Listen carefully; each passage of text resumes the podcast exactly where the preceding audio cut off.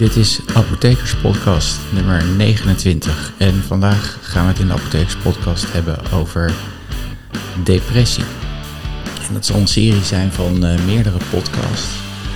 Um, waarbij we natuurlijk uiteraard de behandeling van depressie gaan, uh, gaan bespreken. Dus de farmacologische behandeling. Maar waarbij we ook zullen ingaan op um, hoe depressie uh, mogelijk kan ontstaan. En vandaag gaan we ons een beetje bezighouden met de, de, de kale feiten die, uh, die spelen rondom depressie.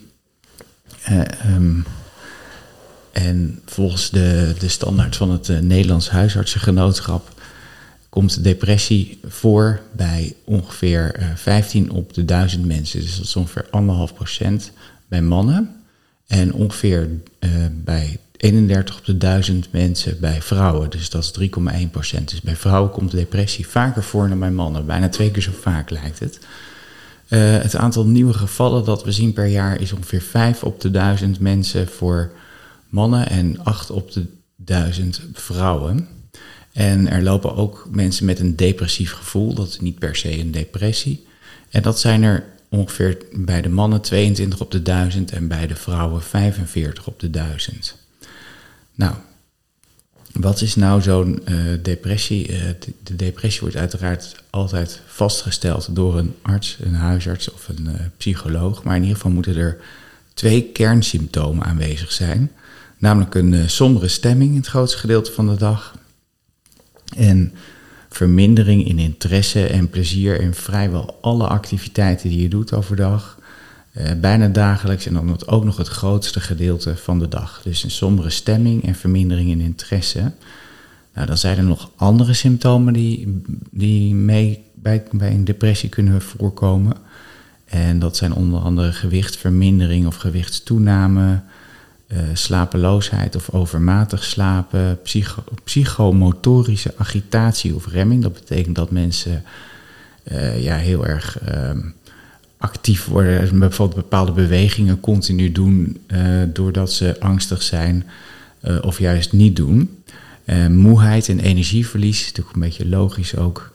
En um, een gevoel van waardeloosheid, schuldgevoelens, concentratieproblemen, het moeilijk kunnen nemen van besluiten.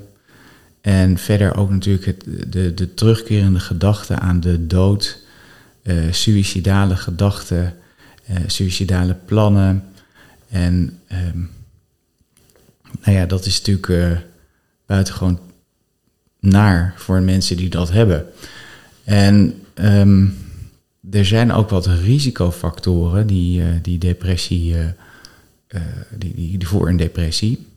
En dat zijn onder andere, nou ja, als mensen een depressie hebben gehad in het verleden, of mensen hebben een zelfmoordpoging gedaan in het verleden, dan lopen ze meer risico om nog een keer een depressie te krijgen. Uh, verder komt het binnen bepaalde families vaker voor. En uh, als mensen bijvoorbeeld chronische pijn hebben of ze, zijn, ze kunnen niet alles doen wat ze willen, ze hebben zo zijn functionele beperkingen, dan uh, lopen ze ook meer risico. En heel erg interessant en heel erg belangrijk ook om te weten straks voor het ontstaan van mogelijk van depressies, dat ook chronische aandoeningen een risicofactor vormen voor het krijgen van een depressie, zoals hart- en vaatziekten. En mensen na een hartinfarct of na een herseninfarct, mensen met diabetes, mensen met de ziekte van Parkinson, mensen die dementie hebben, uh, mensen met kanker. Heel belangrijk ook mensen met overgewicht of met een verminderd werkende schildklier en mensen met chronisch obstructieve longlijden, dus COPD. Uh, die hebben ook een hoger risico op de ontwikkeling van een depressie. En um, uh, overige mensen die, die, die ook risicofactoren hebben, dat zijn mensen met psychiatrische aandoeningen zoals angst, en alcoholmisbruik, uh, drugsproblemen, persoonlijkheidsstoornissen en mensen die overbelast zijn, dus die heel veel stress hebben, mensen met, die slachtoffers zijn van huiselijk geweld, nou, zoals net al gezegd, het vrouwelijk geslacht. Als je vrouw bent, heb je meer risico op het krijgen van een depressie. Ook uh, leeftijd is belangrijk en een lage sociaal-economische status. Als je mantelzorger bent van iemand, nou ja, dat is natuurlijk logisch, want dan sta je eigenlijk bloot aan waarschijnlijk aan meer stress en overbelasting, wat ook een risicofactor was, zoals ik net zei. Uh, mensen die alleenstaand zijn, bijvoorbeeld een alleenstaande oudere, een alleenstaande ouder, uh, het alleen zijn. Mensen met een migratieachtergrond hebben risico en mensen die gebrek hebben aan sociale steun. Nou, zo'n zo'n depressie verloopt eigenlijk uh, in 60% van de gevallen zo dat het na een half jaar voorbij is. Maar bij ouderen is het vaak ernstiger en langer.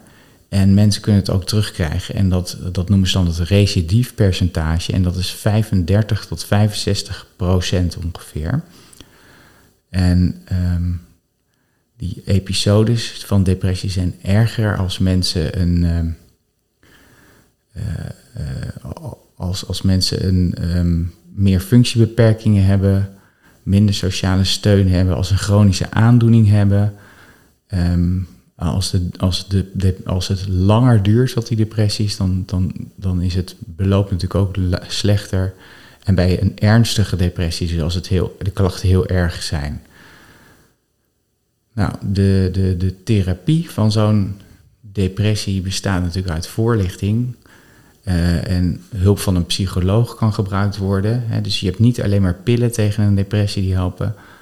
Um, nou, dan, zijn er, dan heb je nog mensen die bijvoorbeeld last hebben van een winterdepressie.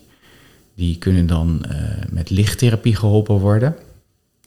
En uh, dan zijn er tenslotte ook nog de geneesmiddelen, de antidepressiva, die, uh, die gebruikt worden bij depressie. En soms kan je ook een combinatie gebruiken van meerdere interventies om die depressie te, te, te bestrijden.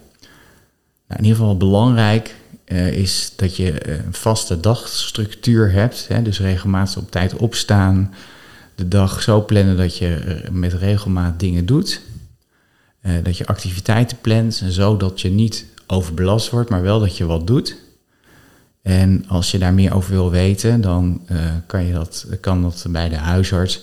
Of een hele goede site ervoor is thuisarts.nl en depressievereniging.nl. Um, nou, in deze serie podcasts het zijn wat algemene feitjes over depressie die ik nu noem. Maar in deze podcast gaan we ons natuurlijk focussen op medicatie.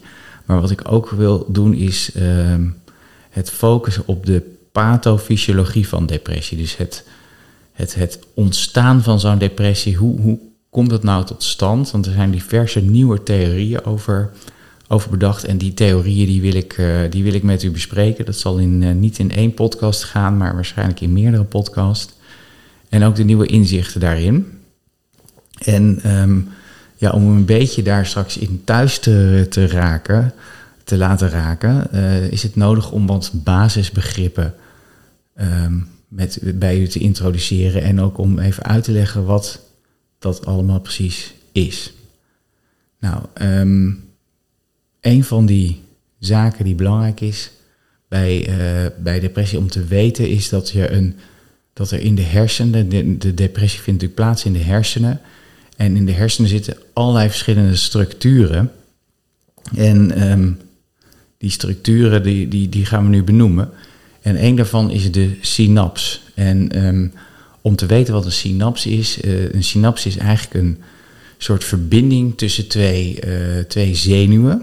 En in die verbinding kunnen, um, kunnen verschillende dingen plaatsvinden. Er wordt in ieder geval een boodschap overgedragen van het ene zenuw, dat is de presynaptische zenuw, die zit voor de, ja, voor de synaps. De synaps bevat eigenlijk een presynaptische zenuw, een postsynaptische zenuw. En tussen die presynaptische en die postsynaptische zenuw zit een spleet. En die heet de synaps. Dat is de synaptische spleet.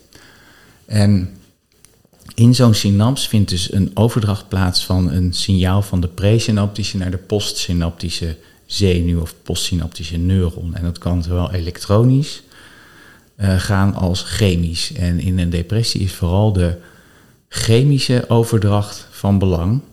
En die chemische overdracht die vindt plaats met chemische stoffen, zoals het uh, woord al zegt. En die chemische stoffen, dat, die worden neurotransmitters genoemd. Eigenlijk heel logisch, want ze brengen de boodschap van het ene neuron naar het andere over. En die neurotransmitters, ehm, die, die zijn dus die chemische stoffen. Ehm, verder zijn van belang ehm, de glia. Glia, dat zijn, dat zijn cellen in de hersenen die geen zenuwcellen zijn, maar die uh, zenuwcellen onder andere beschermen. En er zijn een aantal soorten glia, vier om precies te zijn. Dat is de astrocyt, microglia, uh, de oligodendrocyt en de epidymale cellen. Um, nou, die epi ependymale cellen, dat zijn de cellen die eigenlijk de bloed-hersenbarrière uh, zeg maar construeren of samenstellen. En uh, die, die andere gliacellen, hè, die, die astrocyten, microglia en de oligodendrocyt, dat zijn eigenlijk belangrijke um, ja, verzorgers eigenlijk van de neuronen, van de zenuwen. ze omringen die neuronen en houden die neuronen op hun plaats. En ze voorzien die neuronen van onder andere van zuurstof en van, uh, van, van voedingsstoffen. Ze isoleren die neuronen, want ja, die neuronen die transporteren natuurlijk een, een elektronisch signaal. En als je dat niet zou, uh, hè, als je daar geen, uh, geen isolator omheen doet, dan gaat het signaal alle kanten op en dat wil je niet. Dus ze isoleren die neuronen.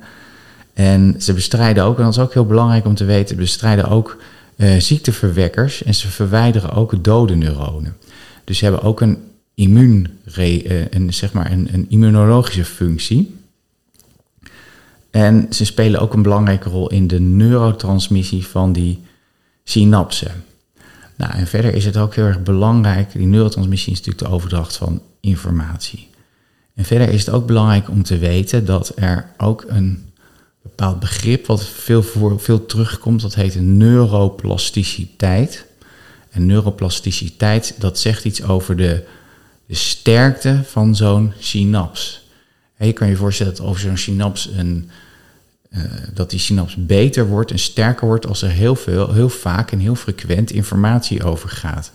als dat zo is, dan, dan is dat kennelijk een, een route binnen de hersenen die heel veel gebruikt wordt en dus kennelijk heel erg belangrijk is. En um, als dat zo is, dan zullen er meer signalen over, over worden overgedragen en dan, uh, dan wordt die, um, die, die synaps wordt beter en die versterkt en die en dat noemen ze LTP of Long Term Potentiation. Um, en je hebt ook natuurlijk het omgekeerde, dat heet Long Term Depression. En daarmee neemt die vuurfrequentie van, de, van die synaps, dus de hoeveelheid informatie die erover gaat, die neemt af. En het is natuurlijk belangrijk, want als bijvoorbeeld als je aan het leren bent of je, je geheugen moet beter worden, dan zal je, uh, zal je die, die, die synaps, synaps waar die informatie in staat, die zal je dus meer moeten gebruiken en die zal dus sterker moeten worden. Nou, nou verder in de, zijn er in de hersenen ook een paar gedeeltes die van belang zijn. Um, en die ook een rol spelen in uh, straks uh, in het uh, in, in de kenmerken van verandering in de hersenen. Um, en dat zijn eigenlijk vier hoofdrolspelers. Dat zijn de prefrontale cortex, de amygdala, de hippocampus en de thalamus. Nou, ik zal, ik zal ze achtereenvolgens even benoemen wat ze precies zijn. Die uh, prefrontale cortex, dat is eigenlijk het gedeelte in de hersenen waar wij vooral uh, informatie uh, kunnen interpreteren en verwerken. Um, en in die prefrontale cortex wordt ook de emo emotie wordt daarin verwerkt. Um, en de emotie wordt er ook mee min of meer in gereguleerd. En bij depressie zie je bijvoorbeeld een verminderde uh, activiteit in die prefrontale cortex. En je ziet ook dat die prefrontale cortex minder functioneert en soms ook atrofisch wordt. Dat betekent eigenlijk dat die, ja, het aantal zenuwen daar minder wordt. Um, een ander belangrijk onderdeel binnen de hersenen die in belang, van belang is bij depressie, dat is de amygdala. Uh, die is vaak hyperactief en de amygdala speelt een hele erg belangrijke rol in onze angstconditionering. En ook het verwerken van angstherinneringen, daar, daar speelt het een belangrijke rol. En uh, dat is het, ook het orgaan wat ons zeg maar klaarmaakt om een vecht- of vluchtreactie te gaan geven op het moment dat we in gevaar verkeren. de hippocampus dan, dat is een, een, een, belangrijk onderdeel binnen de hersenen, wat, wat belangrijk is voor, de, voor het herinneren. Het, om, met name om herinneringen van het korte naar het lange termijn geheugen te brengen. Dus daar is die long-term potentiation heel erg van belang, die LTP. het is belang, van belang voor het ruimtelijk geheugen. En um, het bevat ook heel veel uh, glucocorticoïdreceptoren. Moet u even, belang, moet u even onthouden, want glucocorticoïden, dat zijn, dat zijn um, stoffen die vrijkomen als wij veel onder stress staan. Dus als wij veel stress hebben, dan wordt die hippocampus dus voor een groot gedeelte uh, gebombardeerd als het ware door die glucocorticoïden, met name door cortisol. En dat is ook een hele belangrijke um, uh, veroorzaakt in de theorie hoe depressie ontstaat. Maar daar komen we later op. Uh, tijdens depressie zie je in de hippocampus juist een, ook een atrofie, dus een verminderde hoeveelheid zenuwen. En ook het volume neemt af. En je ziet ook dat er minder zenuwen worden uh, aangemaakt en de plasticiteit, de neuroplasticiteit ook afneemt. Uh, dan hebben we ook nog de thalamus, dat is een soort schakelcentrum, een schakelcentrum tussen de de, met name de cortex, het denkgedeelte en, en andere hersengebieden. Eigenlijk verlopen alle uh, sensorische functies, met uitzondering van de reuk, dus het, het, um, het voelen en zo, allemaal via de, de thalamus. En die worden dan vervolgens van de thalamus naar de, naar de cortex uh, van, de hersenschors gestuurd. En daar vindt dan die interpretatie plaats van die signalen. En het is ook van belang voor het regelen van het slaap-waakritme, wat natuurlijk heel vaak verstoord is bij depressie. En, uh, en het is een belangrijke verbinding met ook de hippocampus. Um, nou, dat zijn een paar hoofdrolspelers in de depressie. Daar gaan we later op terugkomen. Maar allereerst wil ik jullie uh, toch introduceren in de, de klassieke theorie bij depressie, zoals ik die zelf ook geleerd heb toen ik farmacie studeerde al uh, sinds 1988. En uh, nou ja, die, die hypothese die, die bestaat eigenlijk uit de, dat is eigenlijk de monoamine-hypothese. En wat zijn nou monoaminen? Monoaminen, dat zijn uh, nou, neurotransmitters die een, een, een NH2-groep hebben. N is stikstof en H is waterstof. En NH2, stikstof kan drie verschillende um, eh, plekken binden. En ehm, als, het één, als het geen waterstof is, hè, dan wordt het een. Uh, dus als twee plekken waterstof en één plek geen waterstof is, dan wordt het een monoamine genoemd. En de belangrijke monoaminen in de hersenen, dat zijn noradrenaline, serotonine en dopamine. En um, men denkt dus dat een tekort aan uh, monoamine. Uh, en dat dat ook een tekort aan neurotransmissie geeft door die monoamine. En dat dat wordt in verband wordt gebracht met het ontstaan van depressie. En dat is ontdekt um, doordat men mensen MAO-remmers gaf. Een MAO staat voor monoamino-oxidase. Dus die breken die monoamines af. Dus als je iemand een MAO-remmer geeft, dan zullen de monoamine niet worden afgebroken en langer in de synaptische spleet blijven werken. En um, nou ja, dus meer neurotransmissie geven. En dat bleek ook zo te zijn. Als je mensen een MAO-remmer gaf, dan zag je dat op den duur hun, hun, uh, hun depressie minder werd. Dus dat bleek dus dat die MAO-remmers antidepressief werkten. En dat mensen die zo'n MAO-remmer kregen, um, ja, sneller of beter herstelden uit hun depressie. Uh, maar nou toch begrijpen we niet helemaal die monoamine-theorie, hoe dat nou kan. Want uh, wat dan heeft men gedaan, men heeft ook gekeken, nou ja, oké, als er dan mensen um, die voorlopers van die monoamine onthouden, hè, een van die voorlopers van bijvoorbeeld serotonine is tryptofaan. Tryptofaan is een aminozuur. En als je dat niet aan mensen geeft, ja, dan zal op een gegeven moment ze een tekort aan tryptofaan krijgen, ook in de hersenen. Dus dan wordt er minder serotonine gemaakt. En dan zou je dus verwachten dat er een tekort aan neurotransmitters ontstaat. Nou, dat blijkt als je die mensen dus een, een, mensen een tryptofaan-depletie geeft, zoals dat dan heet, dat eigenlijk alleen maar mensen die zelf een keertje een, ehm, eh, een, een eh, depressie hebben gehad, dat die bij een tryptofaan-depletie weer een depressie terugkrijgen, maar de mensen die nooit een depressie hebben gehad, dat eigenlijk niet krijgen. Dus dat geeft eigenlijk al aan dat er waarschijnlijk meerdere zaken zijn die niet goed functioneren. Nou, hoe zit dat dan? Zo'n zo tryptofaan en ook noradrenaline en dopamine, die worden door de presynaptische zenuwen worden die, uh, afgegeven en uitgestoten als er, een, uh, als er een signaal komt.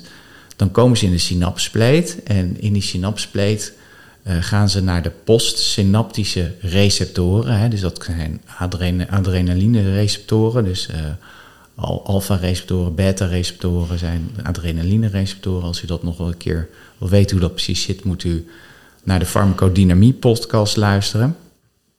En um, wat, wat, er dus gebeurt als ze dus in die zenuwspleet zijn, is dat ze die, die, die transmissie moet plaatsvinden. Maar als die receptoren, die postsynaptische receptoren, dus de, de, ook de bijvoorbeeld, niet goed werken of minder gevoelig zijn, dan zal je dus waarschijnlijk een veel minder betere overdracht van dat signaal krijgen.